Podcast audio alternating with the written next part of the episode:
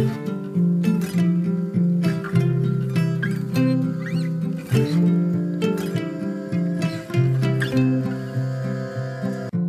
och välkommen till For Health med Anna Sparre.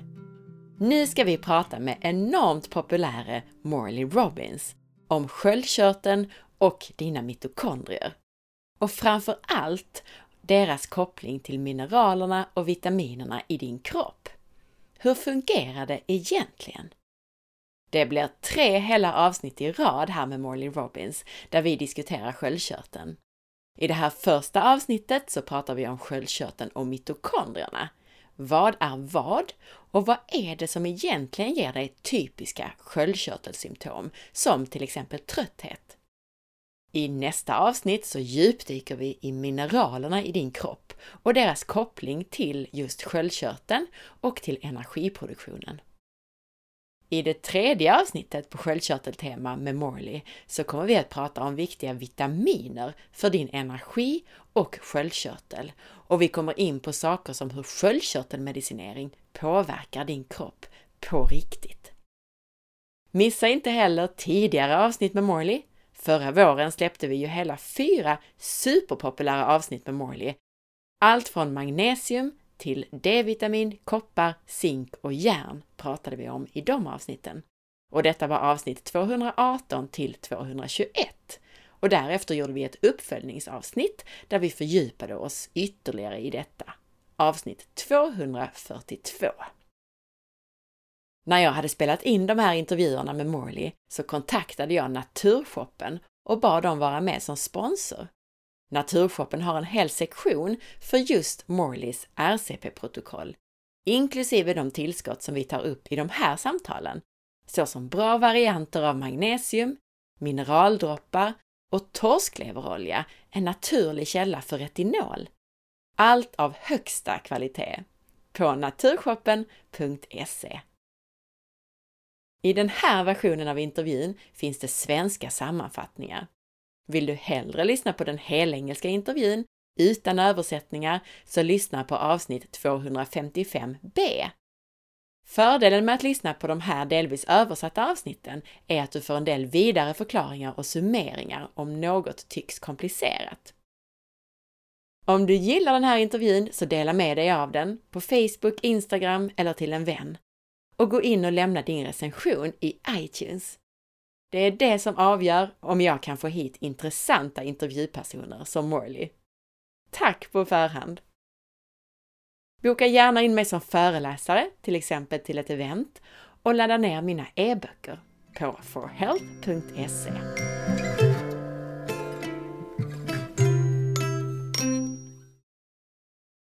Morley, welcome back! Well, thank you. It's great to be here. Last time we spoke in episode 242, we mentioned that we would do more episodes. And among others, we would do one episode on the thyroid. So that's the plan for today. And I've really been looking forward to this conversation. I've really been looking forward to this conversation as well. I really appreciate the chance to have this conversation. And it's a nice diversion from all this insanity about coronavirus. But um, there's so much dogma around the thyroid, and it's it's more of a religion than it is science. And people just they go go into this blind, um, rote memory of what they know about T4 and T3, and and, and I think they've the challenge is going to be getting people to hear a different point of view. And so I'm just I'm just sensitive to that from the get go is that I, I don't fall into the into the paradigm of oh I've read all the textbooks on the thyroid I know how it functions because it's all based on mythology as far as I'm concerned. Because if you don't understand how energy is made then you don't understand what the purpose of the thyroid is. And that's I, I just don't want to um, disrupt your listeners mindset but that but I think it's a very important topic that is at the center of a lot of confusion and a lot of very bad decisions about supplements and medications based on faulty understanding of how the metabolism really works. So I just I offer that up as sort of a background foundational statement about where I'm going to what's going to be driving my comments. That's great. I think that's the point. I mean, we, we want to hear it from your perspective. Okay. Well, I just I, I don't want to I don't want to throw a curve if it's going to really um, disrupt the, the the flow. But I think it's important for people to know uh, that there's way more to the story that that they've never heard. I think that's that's you probably right throwing a curve. Well, yeah, absolutely. yeah. And, and so you know, and so it's just, and I think the the listeners that have followed our conversations are probably going to be ready for some new information. I, I just think they, this is sort of a very protected area of medicine, and I think it's it's time for it to be blown up. Um, so, yeah, so that's that's what I'm looking forward to. First of all, I mean, to get all listeners up to speed, maybe we should just briefly explain what the thyroid is and does. Could you help us with that, Morley? I think what we have to do is create the right context to answer that question. Because at the end of the day, the, the main reason why people go see their doctor is they lack energy, they have fatigue. And the world of conventional medicine has ascribed the thyroid as, oh, this is the source of energy, or you know, it's a, it's the source of controlling your cholesterol, or it's the source of making sure you don't get anemia, or it's the source of body temperature. And, and what I shared with you in a note, much of what people know about the thyroid is based on correlation, not causation. And I think there's a lot of confusion because the, the thyroid it's a very important gland as we know but it's there's a pecking order in the body. And the, the head of the stream for making hormones and making regulatory hormones is a part of the brain called the hypothalamus. And i'm sure we've talked about that before. It's a it's a gland about the size of an almond that has 64 chambers inside it. And that's where electrical energy becomes chemical energy. Well, there's an extension of the hypothalamus called the an- anterior pituitary, and that becomes very important in thyroid function. So the, the initiating signal out of the hypothalamus is called TRH, and that's the master hormone for starting the whole process of making uh, the, the thyroid hormones. Well, TRH instructs the pituitary to make TSH, thyroid stimulating hormone, or thyrotrophin as it's also called. And, and what does TSH do from the pituitary is it instructs the thyroid to make T4. And, and the, the body is responding to its ability to make energy. And that's what this what this whole experience in life is. We we want to be able to make energy so we can respond to stress. And as I, I probably have shared this before, I think the best definition of stress is by Mark Hyman. He's a noted um, integrative physician at the Cleveland Clinic. And he said, stress is the body's inability to make energy for the mind to respond to its environment? Well, everybody right now worldwide is stressed out because of what's going on with the coronavirus and all the changes in our lifestyle. Well, it's a very stressful time. And a lot of people are experiencing fatigue because they can't make enough energy. And a lot of people have been conditioned to think that it's their thyroid that's not working. And I see it very differently. So the, the thyroid does produce two hormones, as you probably know. There's T4, thyroxine, and then there's T3 that I, I struggle to to pronounce it correctly, but it's triiodothyronine. It's like, could they make it any more difficult to say? but T3 is the active form of the hormone. So we have a storage form and an active form. And what's important to understand is what is it doing? What, what is the job of T3? Well, what a lot of the articles will tell you is that, oh, T3 is the spark that gets the, the uh, mitochondria to do their job. Well, here's some unsettling statistics that I think people need to know. There's a uh, US based chiropractor, his name is Dr. J, and he studies the mitochondria really carefully. I'm, I'm embarrassed, I don't know his last name, but anyone who's interested in mitochondria can look up Dr. J. And he has a very has very good information about mitochondria. Well, here's some statistics. There are 40 quadrillion mitochondria in our body. That's a lot of mitochondria to keep track of, right? And I and I think it's important for people to know that that's where energy comes from is those mitochondria. And if if this premise is right that oh T3 is the spark for the mitochondria, and I've always questioned that. So last night I was doing some calculating. Well, the average person produces 30 micrograms of T3 every day. 30 micrograms. And then I needed to calculate how many molecules is that? Guess what? It's 2.8 quadrillion molecules of T3, supposedly firing up 40 quadrillion mitochondria. It doesn't work. And that's not that's not its job. Its job is not to be the spark. The the research by MyTag that I sent over to you a couple weeks ago uh, from 2012 has a very different point of view about what is T3 really doing. It's an oxygen sensor. And then things start to make more sense. Again, we're on a planet that has 21% oxygen in the air. And our body uses that oxygen to release energy in our mitochondria. And it's it's an absolute miracle that the body works the way it does. But that oxygen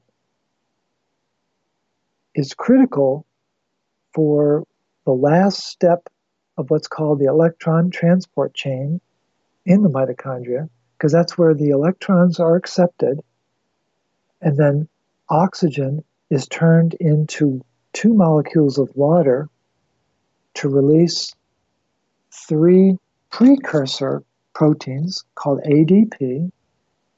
And then those ADP go over to complex 5. And in it's like a rotor, it's like a little motor inside of our mitochondria. It's, it's considered the smallest motor on the planet and it's spinning at 9,000 revolutions per minute. It's just mind-boggling to think about how they measured that. But but there's an alpha subunit and a beta subunit to that complex 5.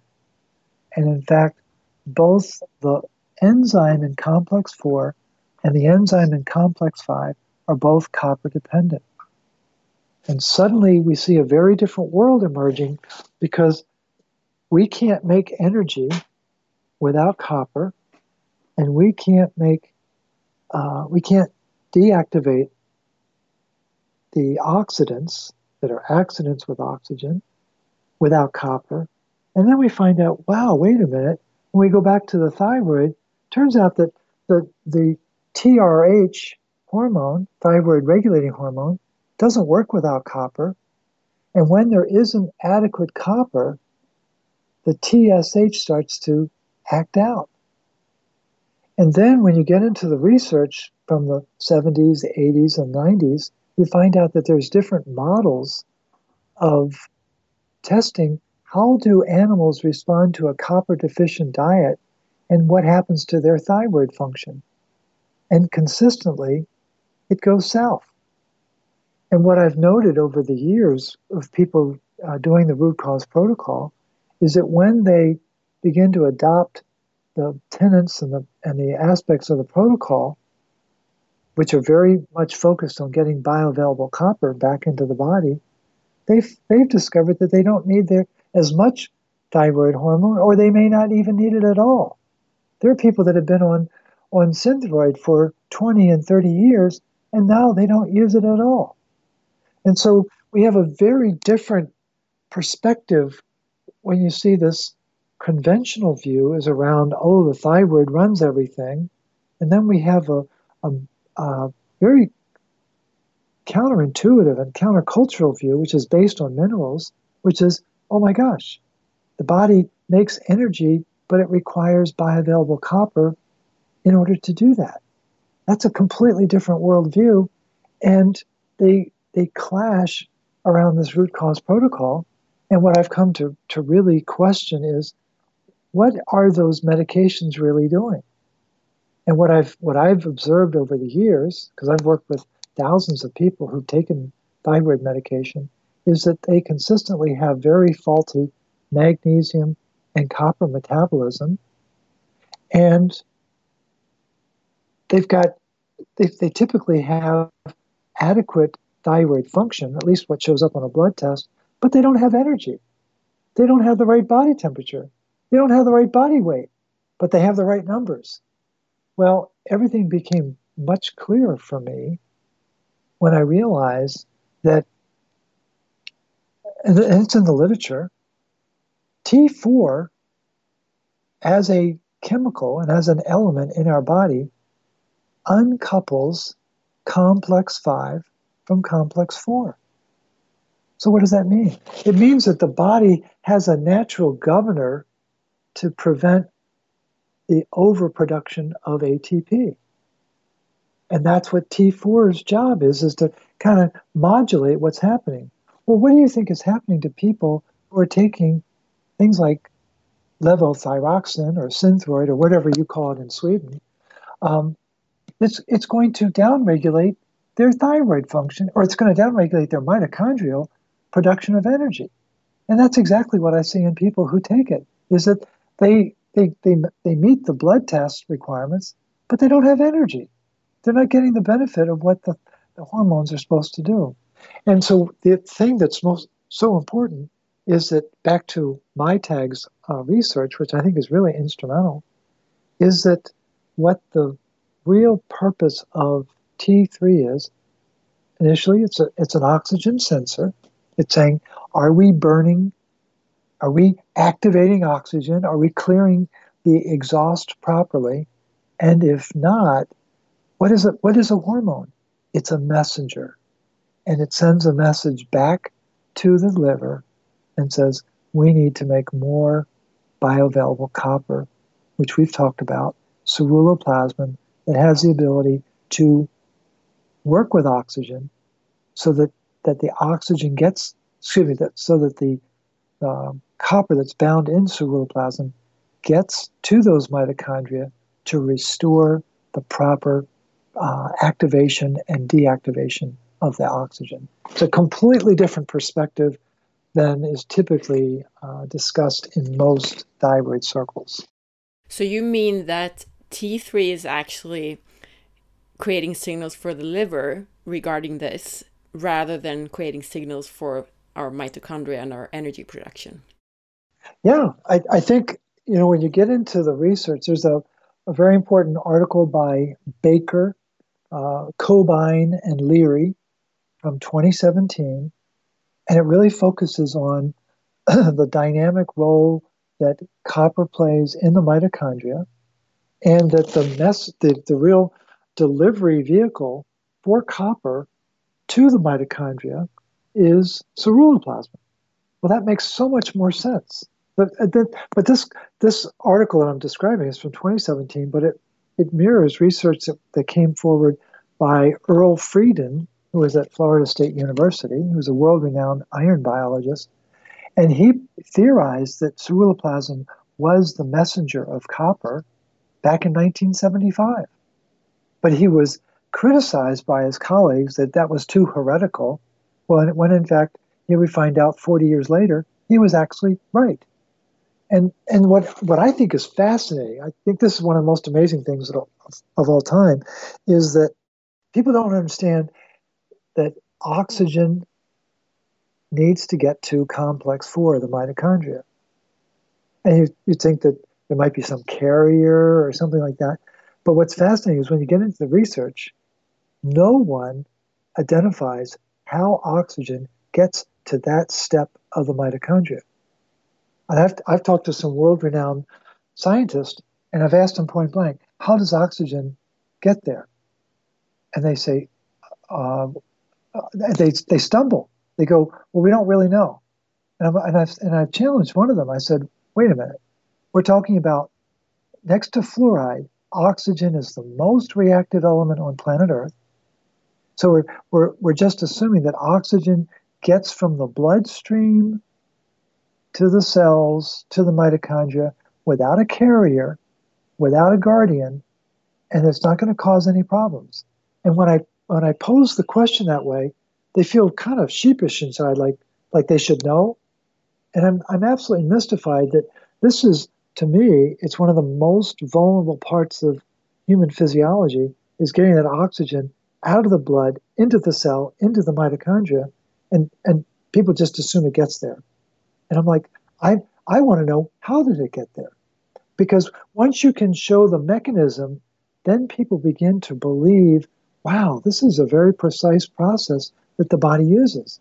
And they have tremendous precision about how electrons move down the, the electron transport chain, and they know exactly who's doing what. They know, I mean, the level of detail that exists around the mechanism of these little tiny energy furnaces is mind blowing, except one thing they don't know where the oxygen is coming from. They just assume it's there.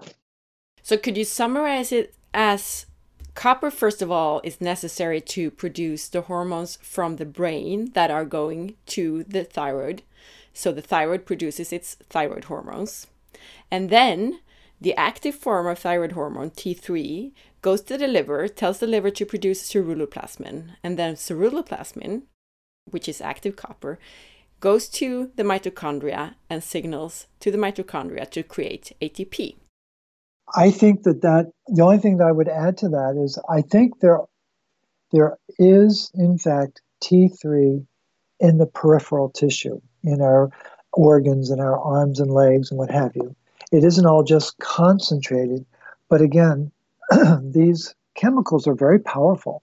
I mean, a, a pinch of a hormone, if, if it were a salt, it would salt a, uh, enough potato chips to fill a soccer stadium. So these are very powerful chemicals. And so the mechanism is the T3 is this sensor, very sensitive molecule, trying to see are we burning oxygen right? And if it's not going right, the body knows it needs more bioavailable copper to burn oxygen. How long has that been going on? For two and a half billion years.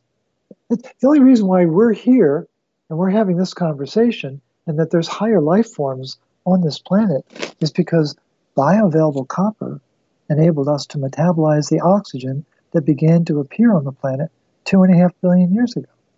And that's a, that's a known fact. It's called the Great Oxygen Event. That when it happened, when oxygens did start to appear, it wiped out 99% of life because it was all living on iron.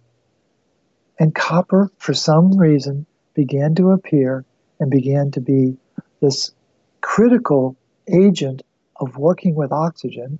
And what I find absolutely fascinating is that none of what we're talking about, Anna, is, is taught in doctor school. They're not taught about oxygen and how it is vulnerable and how reactive it is. They're not taught about what oxidative stress is. They're not taught about the fact that there are a network of enzymes that are all copper dependent that manage that process of deactivating oxidants. They're not taught that copper, in fact, is what allows ATP to be made in our mitochondria. And, and uh, you know, call me foolish, but I think that this should be taught in two places of higher education kindergarten and doctor school. Because it's, I think there's a lot of confusion out there. And I think the, the body, and I think a lot of people have, have witnessed this, the body gets hijacked by thyroid medications because they are bypassing the physiology of the body. And I'm not, I'm not insensitive to the power of thyroid hormones. I know what they do, but I think they are more um, responding to the environment of the body as opposed to directing it. And, and in truth be known, when you want to get into what is the, the regulation of cholesterol on the planet, it's all copper dependent. Uh, that that's very clear in the research. That if you want to get into the, the issue of anemia, it's always tied to thyroid function. Well, I know very differently that the anemia of inflammation is entirely different than the anemia of iron deficiency. And what is the anemia of inflammation? It's lack of copper. Then the body temperature. The thyroid doesn't regulate the body temperature.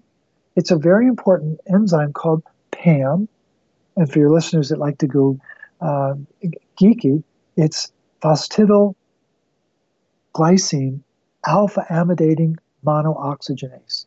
One of the most important enzymes in the human body runs on the energy of copper, and that is, in fact, what dictates body temperature in the peripheral tissue. That's a fact. And then the whole issue of fat metabolism, which, oh, your thyroid's going to help you with that. Well, all the beta oxidation enzymes are copper dependent. So I think in, in my world, you know, I'm sort of uh, preoccupied with critical minerals, especially with copper. But I believe that the, the elegance of copper metabolism was hijacked by uh, endocrinologists who are preoccupied with thyroid uh, hormones. And I don't think I don't think I think it's a very different worldview. And I think what what it gets down to is uh, there's a lot of belief about what the thyroid does. I don't think there's enough uh, factual foundation in how the metabolism of the body really works. Morley beskriver att mycket av det som sägs om sköldkörteln har blivit som en religion istället för att bygga helt och hållet på forskning. Det görs många dåliga beslut när det kommer till tillskott och medicinering av sköldkörteln. För att förstå sköldkörtelns syfte i kroppen så behöver vi förstå hur energi produceras. Sköldkörteln är ju en hormonproducerande körtel lokaliserad i halsen och sköldkörtelns hormoner går ut i blodet och påverkar ämnesomsättningen. Många har hört om och kanske till och med fått mäta hormonerna T3 och T4 från sköldkörteln och även TSH, det hormon som utsöndras från hjärnan för att påverka sköldkörteln. Många refererar till sköldkörtelhormoner som kroppens gaspedal. Huvudanledningen till att de flesta söker vård när det gäller sköldkörteln, det är avsaknad av energi och utmattning. Men sköldkörteln är inte själva källan till energi, eller till kroppstemperatur, eller till anemi, eller till avvikande kolesterolnivåer, som många verkar tro och förknippa med sköldkörtelhälsa. Mycket av det som personer har lärt sig om sköldkörteln baseras helt på korrelation, inte på orsakssamband. Det vill säga att till exempel trötthet, frusenhet och så vidare kan korrelera med låga sköldkörtelhormoner. Det betyder inte nödvändigtvis att det är sköldkörteln som orsakar det. Sköldkörteln är viktig, men den regleras av hypotalamus i hjärnan. Förlängningen av hypotalamus kallas för hypofysen. Hypotalamus utsöndrar TRH som gör att hypofysen utsöndrar TSH. TSH i sin tur stimulerar sköldkörteln att producera hormoner, T4. T3 är den mer aktiva formen av sköldkörtelhormoner och T4 kallas ibland för lagringsformen. Många pratar om T3 som gnistan som sätter igång mitokondriernas energiproduktion. Men Morley ser det här annorlunda. Kroppens energi kommer från våra cellers mitokondrier. Energiproduktionen styrs i huvudsak av tillgänglighet på viktiga mineraler. Morley fokuserar på biotillgänglig koppar. Syre används i mitokondriernas energiproduktion och syreanvändningen i mitokondrierna är beroende av koppar. Även inaktiveringen av oxidanter, alltså av fria radikaler som bildas vid energiproduktionen i mitokondrierna, den inaktiveringen är också beroende av koppar. Och inte heller fungerar det sköldkörtelreglerande hormonet TRH, det som kommer från hjärnan alltså, utan koppar. Och brist på koppar gör att TSH då i sin tur blir oreglerat och kan stiga. Det finns studier på djur som visar att sköldkörtelhälsan försämras av brist på koppar. Morley beskriver hur sköldkörtelpatienter kan minska sin sköldkörtelmedicinering när de arbetar med att återställa kroppens status av biotillgänglig koppar, det här som kallas för ceruloplasmin. Morley säger att sköldkörtelmedicinering till och med verkar kunna påverka metabolismen av de viktiga mineralerna magnesium och koppar negativt. Och många sköldkörtelpatienter har helt okej okay sköldkörtelfunktion, men ändå problem med energi, frusenhet, vikt och så vidare. Det visar sig också att sköldkörtelhormonet T4, och det är det som de flesta medicinerar med, i till exempel då mediciner som Levaxin, att det påverkar komplex 4 och komplex 5 i mitokondriernas energiproduktion. Alltså saker som är viktiga för att dina celler ska kunna producera energi. Morley beskriver det som att sköldkörtelhormonet T4 är ett hormon som hindrar att kroppen ska överproducera cellenergi, ATP. Så när vi tar Levaxin, syntetiskt T4, så kan den nedreglera mitokondriernas energiproduktion. Kroppen svarar på sin förmåga att producera energi. T3, sköldkörtelhormoner alltså, det är en syresensor. Den känner av om vi aktiverar syre och om vi tar hand om avfallet som bildas. Hormoner är budbärare Sköldkörtelhormonet T3 skickar ett meddelande, en signal, till levern och andra celler i kroppen om att vi behöver göra mer biotillgänglig koppar, ceruloplasmin, som har förmågan att arbeta med syre för att tillverka energi alltså. Ceruloplasminet tar koppar till mitokondrierna och säkerställer att mitokondrierna kan aktivera och inaktivera syre på ett korrekt sätt. Morley ser det alltså mer som att sköldkörtelhormoner svarar på kroppens miljö istället för som många andra ser det, att de här sköldkörtelhormonerna skulle styra kroppen. Morley tillägger också att kolesterolreglering är kopparberoende.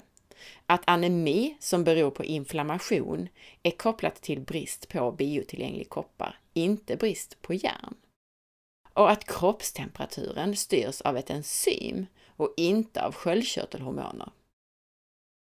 Och när det gäller fettförbränning, just med tanke på att viktuppgång är ett typiskt sköldkörtelsymptom, så är det så att alla enzymer som utför fettförbränningen är kopparberoende. And I really agree when it comes to the thyroid not being the root cause problem most of the times. I mean, the, there's usually the mitochondria, as you say. There's an adrenal issue and stress behind it. There's autoimmunity, so there's a lot of other things going on affecting the thyroid. But sometimes you see two different patterns in patients. So you see the really fatigued patients that and and I can see like in organic acid testing and so on that they have issues with their mitochondria. But then you have the other category of patients who have fatigue, yes, but it's more like they're tired, they they need to sleep all of the time, they gain weight unexplainably, they um, we have brittle hair and so on. Those typical thyroid they are assigned as thyroid issues. So, how do these groups of patients differ? I mean, why are they differing if, if everything is due to the mitochondria and the copper status? No, it's a wonderful question. I, I think the the missing piece of the puzzle is, again, if you're if you if you're a, a carpenter with a hammer, everything becomes a nail, right? And so, if, if you're an endocrinologist and you've been taught that the thyroid runs the body, then everything is a thyroid dysfunction. But in the case of what you just described with the clients that you work with who have this kind of the systemic malaise and they're just not firing on all cylinders, well, I think what we've got is a complete breakdown of the minerals because of stress. And and one of the I was just talking with a, a young physician yesterday, he's 31, been out, out of school for about four years, And I said, You know, there's one word they didn't teach you in medical school. He said, What's that? I said, When? When did your symptoms start? He, he said, That's a great question. I said, It's hard to get into that in a seven minute interview, isn't it? Mm-hmm. He laughed. He said, he said, You're absolutely right. But fortunately, he works for a doctor who spends three hours in the initial workup. But but the important thing is every person that I think has that kind of systemic problem that you're describing, there was some critical series of stresses, stressors that converged and it overwhelmed their body's ability to make energy.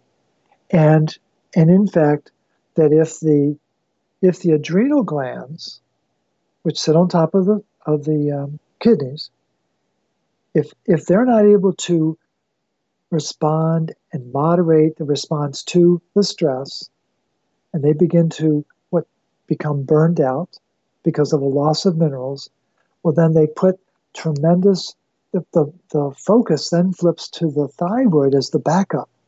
Well, most people don't have the mineral mass to support that. And I think what's entirely missing in the in the narrative is people are not intimately aware of how depleted their bodies are of minerals. And certainly more and more people are becoming aware of it. And I think your listeners have been uh, uh, entertained and, and hopefully educated by our discussions around this. But, but if you are under constant stress, you're going to be under constant mineral loss. And it's going to affect the body's ability to make energy. Right back to uh, Bruce Hyman. And so, excuse me, Mark Hyman. And so the person who's got the systemic, I would just say that there is a more pervasive imbalance in their minerals, and there's very likely a pervasive buildup of iron. And if, if you're dealing with people who have autoimmune conditions, as many people do have, well, autoimmune is, is a polite way of saying iron toxic. And that's not my theory.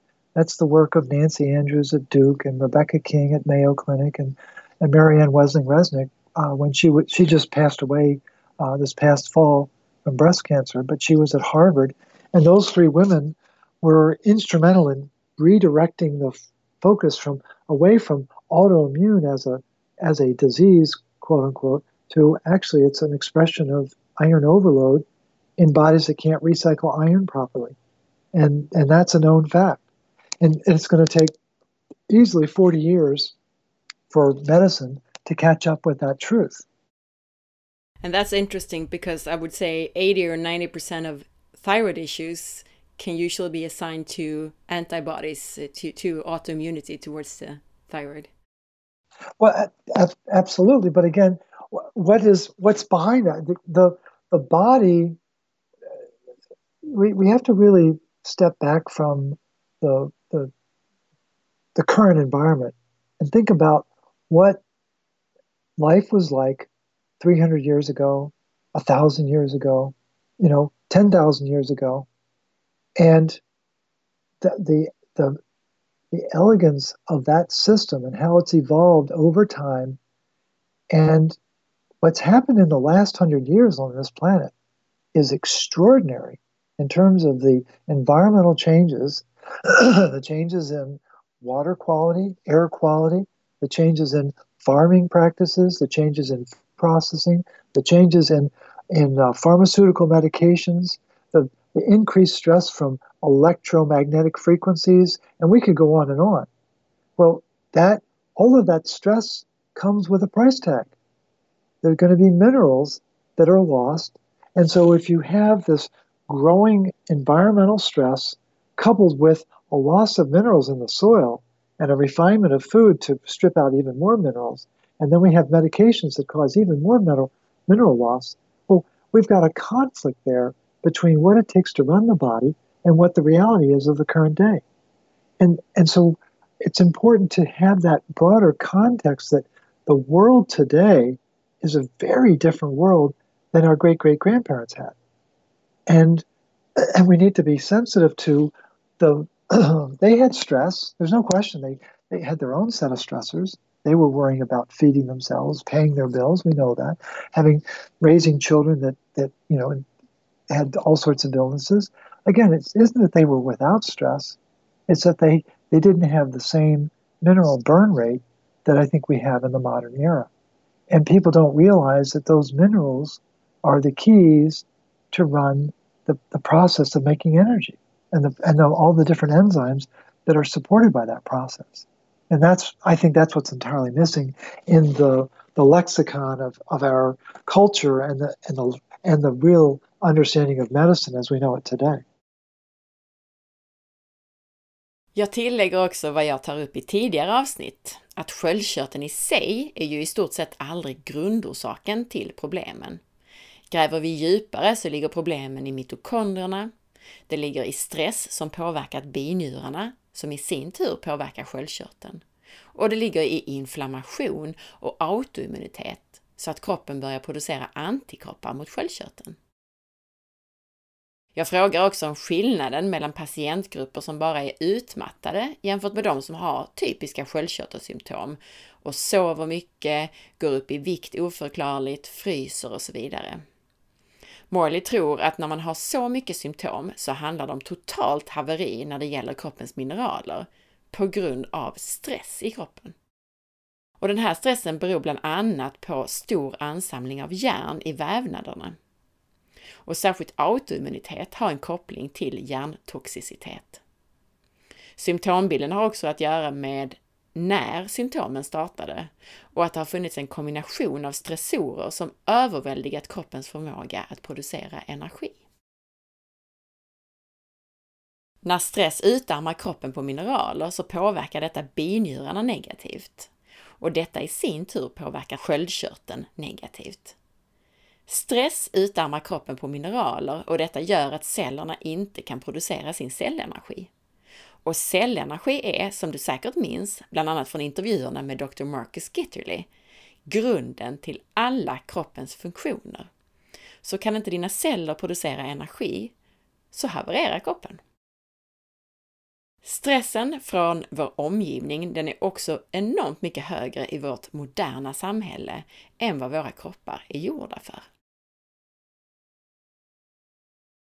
I need to ask a more specific follow up question because I know the listeners will ask us about that afterwards. And that's you said copper is needed for TRH, the, the hormone from the brain, and that affects TSH how? Because a lot of patients are measuring their TSH. So is it affecting it to rise? I mean, does it get higher or lower TSH? So think of it this way. So think of TRH as a general and think of TSH as a captain and think of the thyroid hormone as one of the foot soldiers. Okay? And TRH is a regulating hormone that needs to be again it's it's hard to fathom the sensitivity of the hypothalamus. So you and I are engaged in what's called a conscious conversation, and we're exchanging information at about 2,000 bits per second, which is pretty fast, right? The hypothalamus thinks 2 million times faster than you and I can talk. And it loves minerals, especially magnesium and copper. And when magnesium and copper are not at a ready supply, that stresses out the hypothalamus. So then that affects the optimal expression of there, there's there's 64 hormones that get made in those 64 chambers. Again, the, the, the level of sophistication of, of, of our uh, hypothalamus is staggering. It's, it was one of the first things that I studied 10 years ago. I was absolutely mesmerized by it. And it's, it's an amazing part of our anatomy, and it's an amazing um, bedrock of our physiology. But if the if the hypothalamus can't produce enough TRH, that means the, the general is not giving the order properly. Well, then the captain starts to yell at the foot soldiers. And that's TSH rising in response to a lower TRH. So that if TRH is falling off because of a lack of copper, then TSH is going to rise, and then it's going to affect the production of, of T4. And so, again, it's a very delicate seesaw between those three components, right? And and the T4 ultimately needs to be converted to T3. That, that and and there's a small percentage that actually takes place in the thyroid, and it's actually the T3 that's made in the thyroid is actually um, T1 and T2 coming together to make T3. It's actually fascinating. It's, it, it, I mean, it's it's it's an amazing part of our anatomy. It, re- it really is. But 90% of the T3 is made by cleaving off an, an iodine from T4, and it's done in the peripheral tissue. The bulk of it's done in the liver, but it's also done out in other organs like the kidneys and uh, the spleen and other other parts of our anatomy, our muscles, what have you. Again, these are all, if you will, like regional sensing areas where we've got to see is are we are we properly making energy and how's that oxygen thing going? Because it's a completely different way of thinking about it. And so the T3 is again, it's made from this, it's called deiodinase enzyme.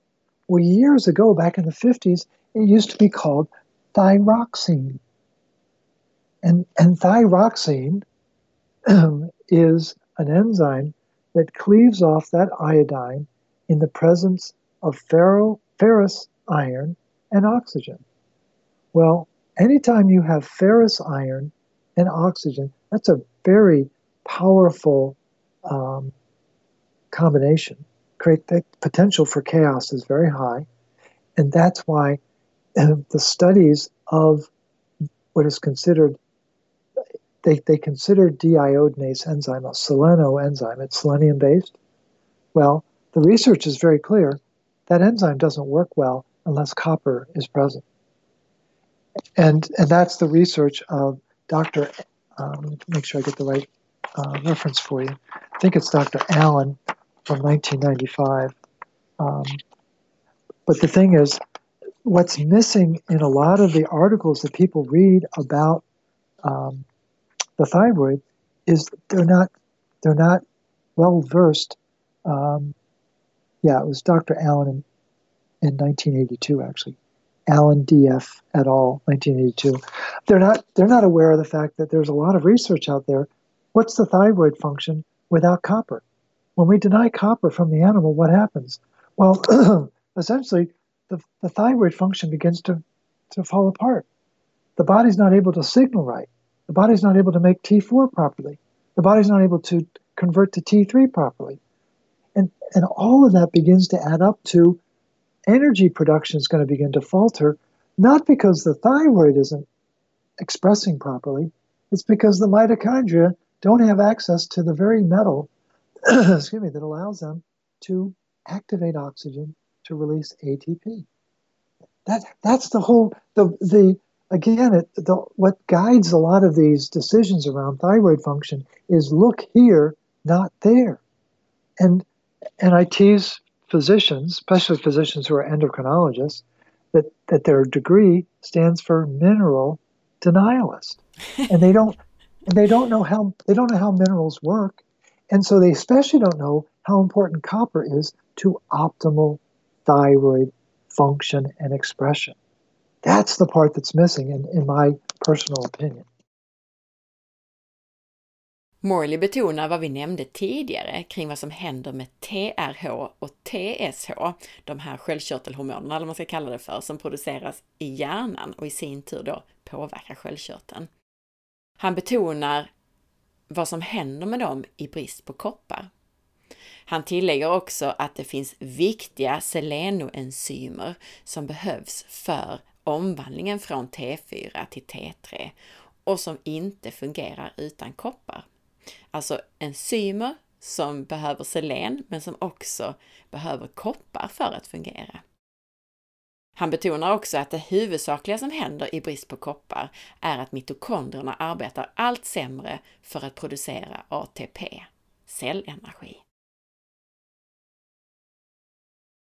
My next question is about the relationship between mitochondria and the thyroid, and I think we got into it, but is there anything you would like to add about that, or could you summarize it maybe? Well, I'm, I'm really delving into the mitochondria because I think they're fascinating. What, what I really want to know is who coordinates all of these 40 quadrillion mitochondria. Um, an endocrinologist would tell us, oh, it's the thyroid. I'm not buying that. But, but think of it this way um, 25% of our cells are um, red blood cells. Well, they don't have any mitochondria. They make energy anaerobically. I think that's fascinating. They're carrying oxygen. We're, we're absolutely dependent on them. And that, of course, that's what the whole crisis in coronavirus is, is that something is causing the hemoglobin to break down. And, and there's all sorts of theories about what that is.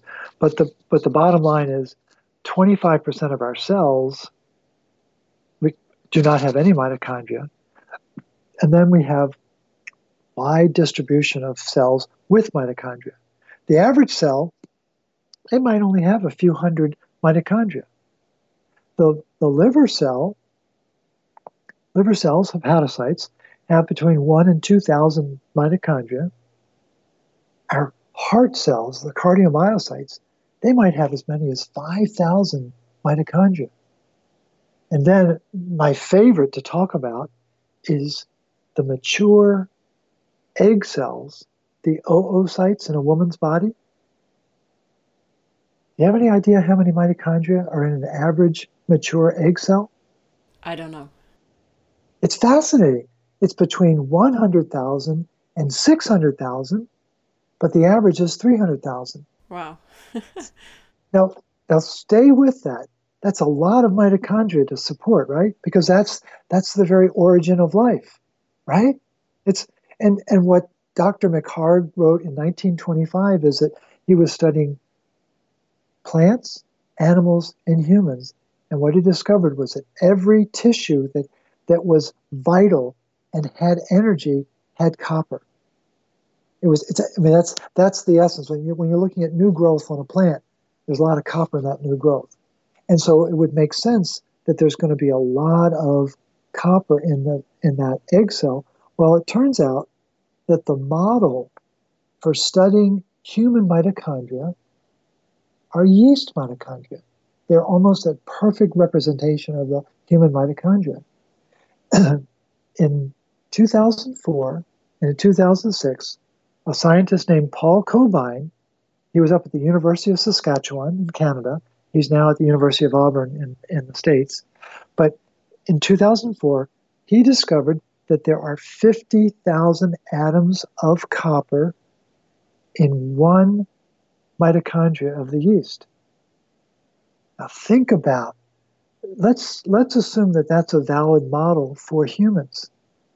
So we've got a woman's mature egg needing 50,000 times 300,000, we're getting into some pretty big numbers of the amount of copper that they need, hmm. right?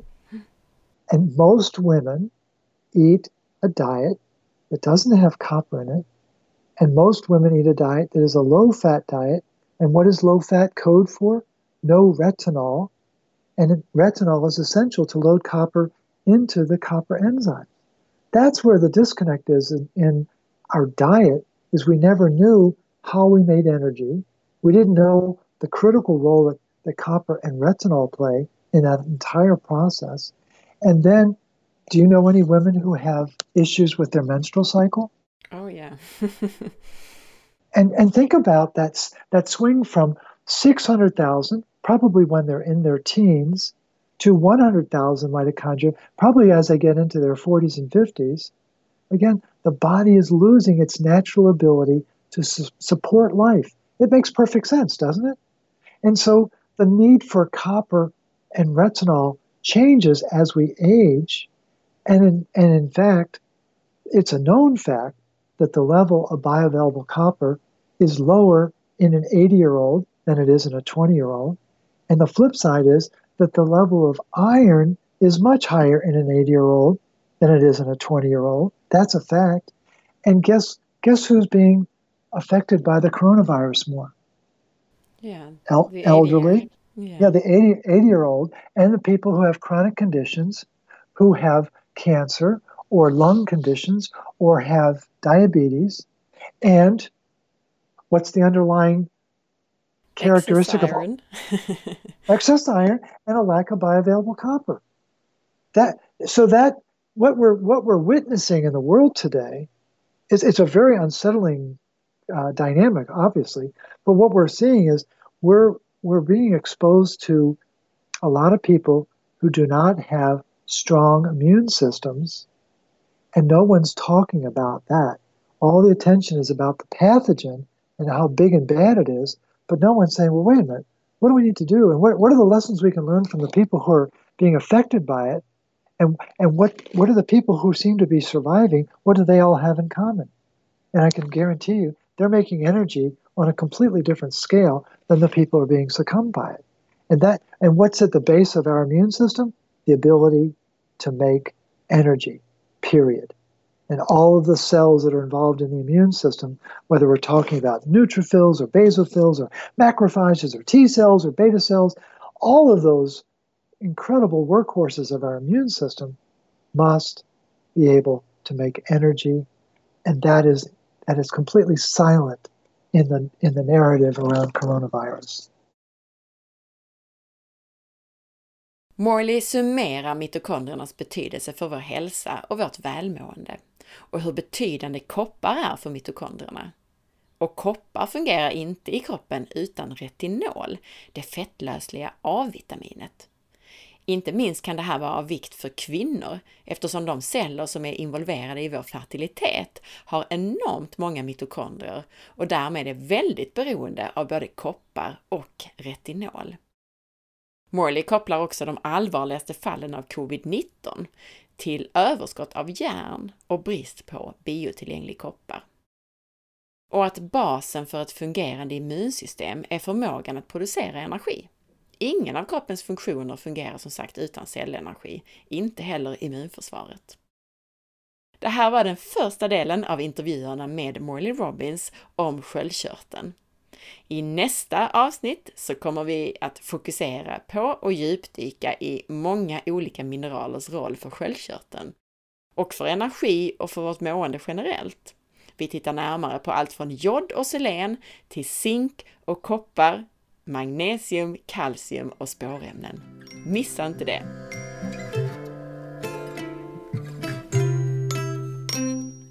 Tack för att du lyssnade! Jag hoppas att du gillade den här intervjun. Gjorde du det så dela med dig av avsnittet, dela på Facebook, tipsa en vän och sprid det så att fler får ta del av den här spännande informationen om hur kroppen fungerar. Veckans recension i iTunes är från Kristel Madeleine som skriver Fantastisk podd! Alltid lika påläst och kunnig i allt om hälsa. Superpodd! Följ med på facebook.com forhealth.se där du kan hitta avsnittsinformationen till det här avsnittet som du kan dela och där du varje dag hittar länkar till nya hälsotips och annat. Följ också mig på Instagram via asparre och titta in på bloggen på forhealth.se. Ha en fantastisk dag så hörs vi snart igen. Hej då!